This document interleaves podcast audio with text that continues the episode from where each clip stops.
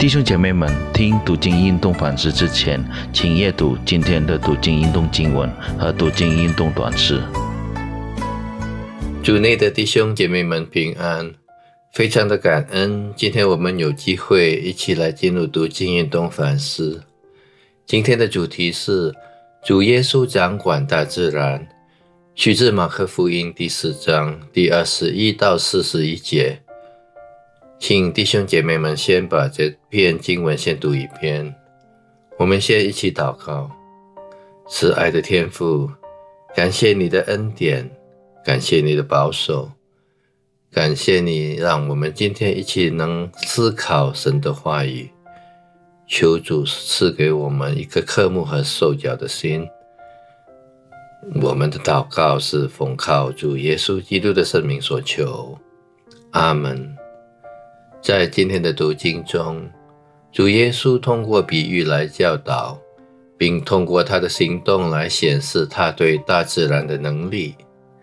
灯的比喻揭示我们必须利用我们所拥有的恩赐或能力来成为祝福。通过利用所赐给我们的恩赐，意味着我们感谢上帝赐给我们这些恩赐。并且应用这些恩赐，也将开启上帝对我们的恩典。第四章第二十一到二十三节，种子长大的比喻和芥菜种的比喻表明，我们并不总是能理解上帝如何在发展他的国度上工作。第四章第二十六到三十四节，主耶稣平静海上暴风波浪的故事。表明他掌管大自然的能力。他斥责那些害怕、不相信他的门徒。门徒面对将要沉船的暴风雨时的态度，反映了我们面对生活中严重问题时的态度。当我们遇到严重的问题时，我们是不是会像门徒一样，以为主耶稣不关心我们的处境？甚至在我们恐惧的时候，主耶稣还在睡觉呢。我们要认识上帝的思路方式和工作方式，常常与我们的想法不同。我们的错误在于我们倾向于限制上帝的能力，并且我们认为上帝只能按照我们的想法行事。如果我们限制上帝，我们就很难信上靠上帝。上帝的思路方式是不可测预测的，超出了我们思想的范围。在今天的读经中，上帝故意让门徒处于一种无助的状态，让他们学习会全然信靠上帝。在我们的生活中，有时，上帝会让我们陷入绝境的境地，让我们学习信靠他。不要让我们的想法成为我们信靠上帝的障碍。意识到上帝是无限的。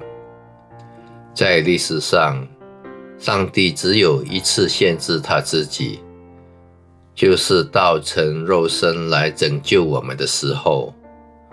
我们必须放下对上帝的看法，因为我们局限性限制了我们对上帝的看法。然而，我们必须根据他的话语重塑我们对上帝的看法。您相信上帝的话语中所说的一切都是真实的吗？当您面对生活的严重问题时，您敢真正信靠上帝吗？我们一起祷告，感谢主今天再提醒了我们，我们不能以自己的思维来限制上帝的能力。有时候我们经常遇到困难或者困境的时候，我们以为上帝袖手旁观。其实我们忽略了上帝的大能，求上帝饶恕我们。我们的祷告是奉靠主耶稣基督的生命所求。阿门。希望大家有一个愉快的一天，上帝祝福大家。